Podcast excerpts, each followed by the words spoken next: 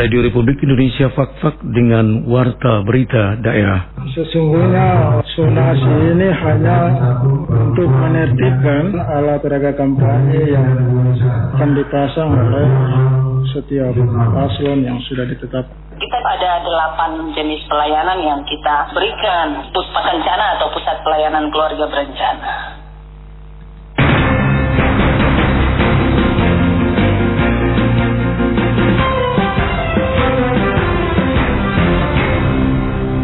Selamat pagi, kami sampaikan sari berita. Komisi Pemilihan Umum Kabupaten Fakfak menetapkan zona pemasangan alat peraga kampanye untuk dua pasangan calon bupati, wakil bupati Fakfak pada Pilkada 2020. Gubernur Domingus Pandacan mengajak peserta Pilkada 2020 di sembilan kabupaten di Provinsi Papua Barat untuk kompak menjaga stabilitas keamanan di wilayah masing-masing Itulah berita utama pagi ini selengkapnya bersama saya Muhammad Jen Lamonja.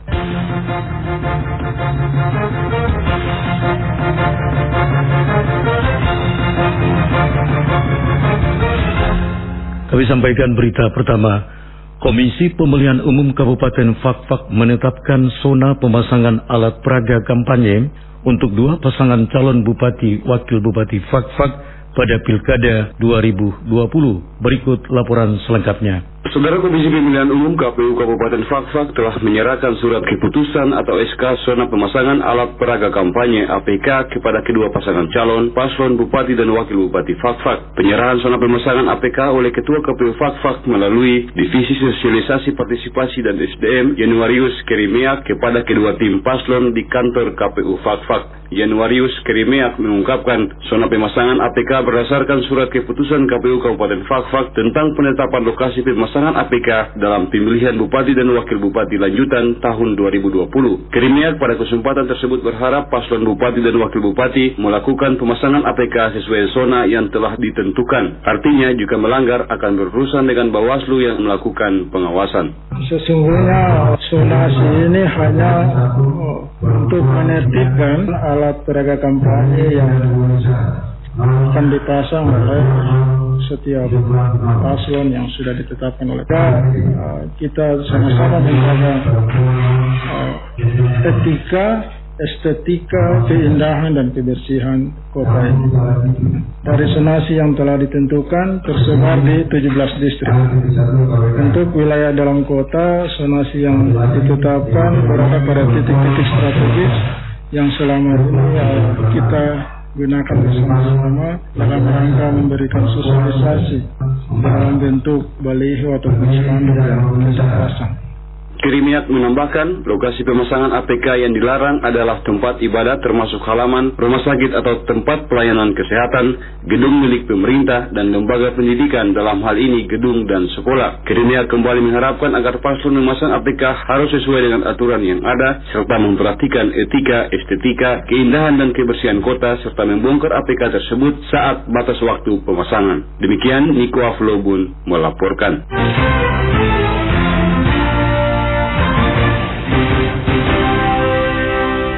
Berdasarkan keputusan Kementerian Agama Republik Indonesia, maka 79 calon jemaah haji tahun 2020 Kabupaten Fakfak dipersiapkan menjadi calon jemaah haji tetap tahun 2021 mendatang. Berikut laporannya. Saudara mengacu pada keputusan Menteri Agama Republik Indonesia nomor 494 tahun 2020 tentang pembatalan keberangkatan jemaah haji, maka pemberangkatan tersebut berlaku bagi seluruh warga negara Indonesia yang menggunakan kuota haji pemerintah dan visa haji mujamalah. Pembatalan dimaksud jemaah haji reguler dan khusus yang telah melunasi biaya perjalanan ibadah haji BP tahun 1441 Hijriah 2020 Masehi menjadi jemaah haji pada penyelenggaraan tahun 1442 Hijriah 2021 mendatang. Kepala Kementerian Agama Fakfak Abdul Hamid Rahan Nyantel mengatakan menunaikan ibadah haji bagi umat Islam yang mampu secara ekonomi dan fisik serta terjaminnya kesehatan selama berada di embarkasi atau debarkasi perjalanan dan berada di Arab Saudi. Dikatakan calon jemaah haji musim haji tahun 2020 agar tetap mempersiapkan diri karena dipastikan akan diberangkatkan pada tahun 2021. Pemerintah Arab Saudi mengeluarkan sebuah kebijakan terkait dengan penyelenggaraan ibadah haji tahun 2021 untuk dilaksanakan. Ya, sesuai juga dengan perkembangan mewabahnya virus corona ini. Kalau virus corona ini segera mereda, berarti kemungkinan keberangkatan itu akan full. Tapi kalau belum mereda, maka kemungkinan keberangkatan itu juga akan menjadi pertanyaan, jadi atau tidak. Begitu pula seterusnya, ada kemungkinan lain lagi bahwa bisa jadi kalau taruhlah wabah penyakit ini semakin melemah, semakin menurun, maka kemungkinan juga tidak full calon jemaah haji ini akan diberangkatkan semuanya. Mungkin berapa persen dari itu karena pasti akan menjaga social distancing ya, jarak di eh, Haramain di Masjidil Haram dan Masjid Nabawi. Karena manusia hadir di sana sekitar di atas 2 jutaan orang, sehingga tidak mungkinlah di pemerintah Arab Saudi membiarkan begitu saja karena kita bisa menyaksikan hari-hari kemarin dan hari ini ya kemarin haji 2020 tidak diberangkatkan ya. Kemudian umroh juga begitu. Kalaupun ada mungkin bisa dihitung dengan jari. Sehingga bagi calon jamaah haji 2020 eh, yang dibatalkan kemarin dengan keputusan Menteri Agama 494 itu insya Allah bisa mempersiapkan diri di tahun 2021 karena sesuai keputusan itu dia menjadi calon jamaah haji tetap di tahun 2021. Abdul Hamid menjelaskan untuk kota Kabupaten Fakfak masih belum mengalami perubahan yaitu 79 orang sedangkan bagi calon jemaah haji yang telah masuk dalam daftar tunggu namun telah meninggal dunia akan dikembalikan hak-haknya. Khususnya untuk uh, jamaah haji Kabupaten Fakfak itu jumlahnya 79 calon jamaah haji di 2020 ini, dia akan menjadi calon jamaah haji tetap di 2021. Kalau ada calon jamaah haji yang meninggal dunia, maka yang pertama uangnya akan dikembalikan. Yang kedua, kalau tidak maka ada keputusan dari pihak keluarga, maka dapat digantikan oleh keluarga inti. Apakah itu kalau yang meninggal itu bapak, maka menggantikan apakah itu istri atau anak itu dapat menggantikan. Nah, sudah ada kebijakan pemerintah seperti itu. Dengan adanya pembatalan keberangkatan jemaah haji tahun 2020, secara otomatis petugas haji daerah PHD pada penyelenggaraan haji tahun ini dinyatakan batal dan biaya perjalanan ibadah haji akan dikembalikan. Demikian Lamarumu melaporkan.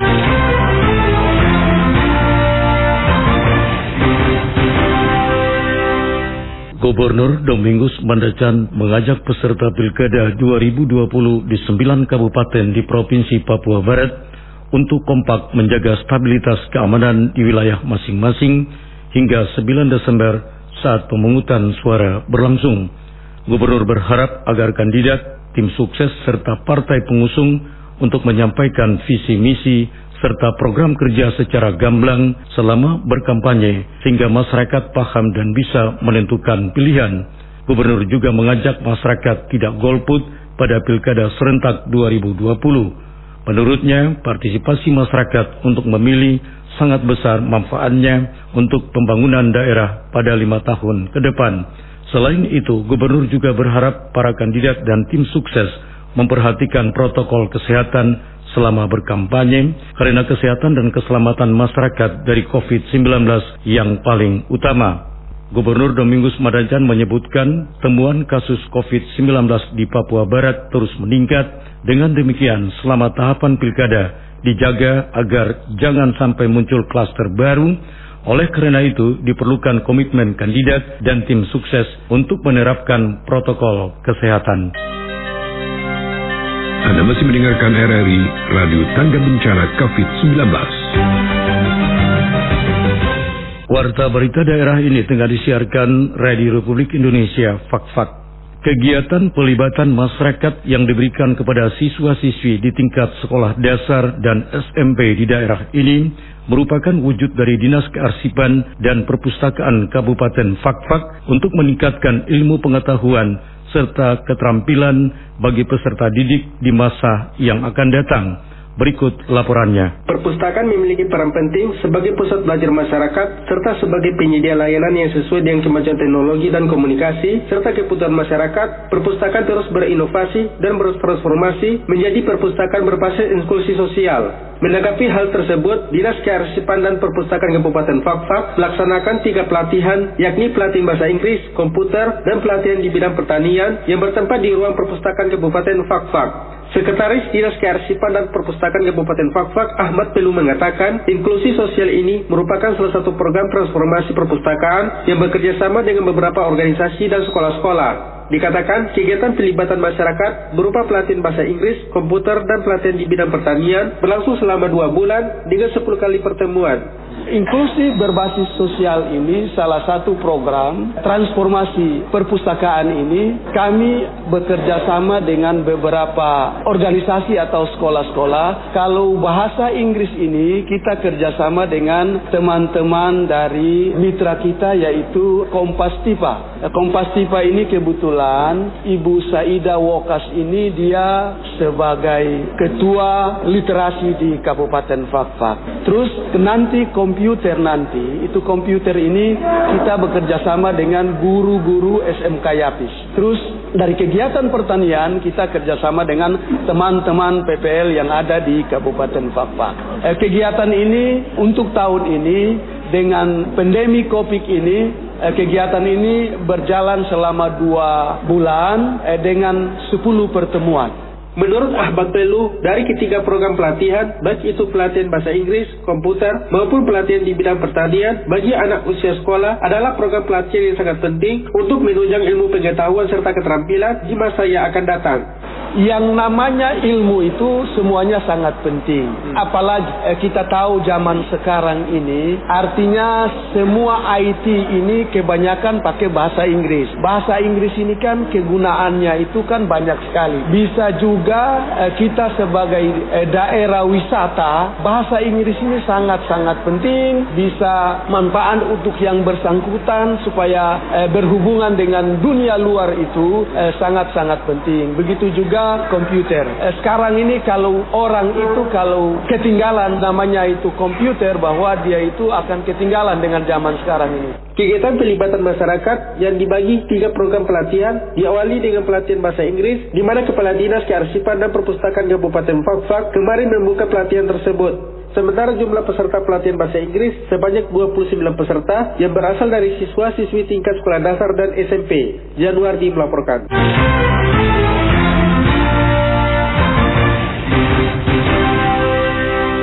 Santunan jaminan kematian JKM sebesar 40 juta rupiah diterima ahli waris almarhum Satar Biaruma, pegawai honorer Dinas Kesehatan Kabupaten Fakfak yang ditugaskan di Puskesmas Kampung Weri.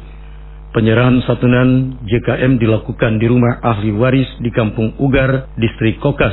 Santunan tersebut diserahkan Kepala BPJS Ketenagakerjaan Fakfak Karolus P. Singgalingging kepada Martin Ubra, perwakilan Dinas Kesehatan yang selanjutnya diserahkan kepada Safa Mau, ahli waris sekaligus ibunda almarhum Satar Biaruma, Kepala BPJS Ketenagakerjaan Fakfak, Korulus P. Singgalingging mengatakan santunan jaminan kematian yang diberikan sebesar 42 juta rupiah itu dengan rincian 20 juta rupiah untuk santunan kematian, 12 juta rupiah santunan berkala dan 10 juta rupiah untuk biaya pemakaman.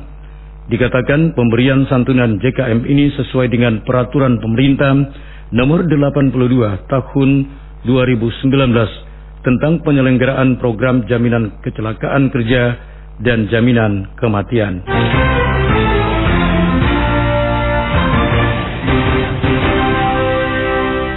Pusat Pelayanan Keluarga Berencana Puspa Kencana DP3AP2KB Kabupaten Fakfak memberikan kemudahan kepada masyarakat yang ingin melakukan pelayanan informasi, konsultasi, dan konseling terkait masalah di dalam rumah tangga. Dinas Pemberdayaan Perempuan, Perlindungan Anak, Pengendalian Penduduk dan Keluarga Berencana DP3 AP2KB Kabupaten Fakfak melalui Pusat Pelayanan Keluarga Berencana atau Puspa Kencana membuka berbagai jenis pelayanan kepada masyarakat. Kepala Bidang Pengendalian Penduduk pada DP3 AP2KB Kabupaten Fakfak, Idiana Toting mengatakan ada delapan jenis pelayanan informasi, konsultasi, dan konseling yang diberikan oleh Pusat Pelayanan Keluarga Berencana DP3 AP2KB Kabupaten fak-fak yang diberikan kepada pasangan usia subur, remaja, lansia, maupun masyarakat pada umumnya. Kita ada delapan jenis pelayanan yang kita berikan. Jenis pelayanan itu di antaranya pemberian informasi dan dokumentasi kependudukan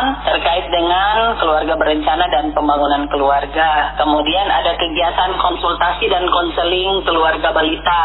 Ada konsultasi dan konseling keluarga remaja, konsultasi dan konseling pranika, konsultasi dan konseling keluarga berencana dan kesehatan reproduksi dan konsultasi konseling keluarga lansia, keluarga harmonis dan pembinaan usaha ekonomi produktif dan kelompok UPPKS. Nah, itu jenis pelayanan yang kita berikan di Puspa Kencana atau Pusat Pelayanan Keluarga Berencana. Menurut Idiana Totin, selain melakukan pelayanan di Pusat Pelayanan Keluarga Berencana DP3AP2KB Fakfak, pelayanan Puspa Kencana juga dilakukan dengan beberapa instansi terkait seperti halnya Dinas Kesehatan serta beberapa kegiatan profesi maupun non-profesi lainnya. Jadi kita itu ada integrasi bersama-sama dengan Dinas Kesehatan di bawahnya Puskesmas. Jadi bidan-bidan yang kemarin sempat kita berikan pelatihan untuk memberikan konseling, pelatihan konseling, nah mereka itulah yang akan memberikan pelayanan di Puspa Kencana yang akan memberikan konseling kepada pasangan usia subur terkait dengan keluarga berencana dan keluarga harmonis.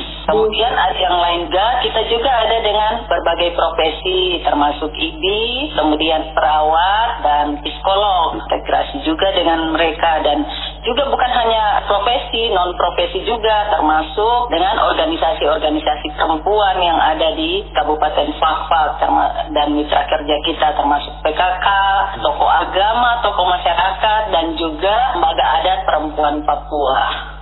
Dengan telah difungsikannya Pusat Pelayanan Keluarga Berencana atau Puspa Kencana di kantor DP3AP2KB Fakfak diharapkan kepada keluarga kecil di rumah, remaja, pasangan usia subur, lansia maupun ibu hamil yang memiliki masalah atau problem di rumah dapat mengunjungi sekaligus berkonsultasi dan konseling di Puspa Kencana. Sementara waktu pelayanan masyarakat di Puspa Kencana dibuka pada hari Senin hingga Kamis pukul jam 8 pagi hingga jam 2 siang. Januar dia melaporkan.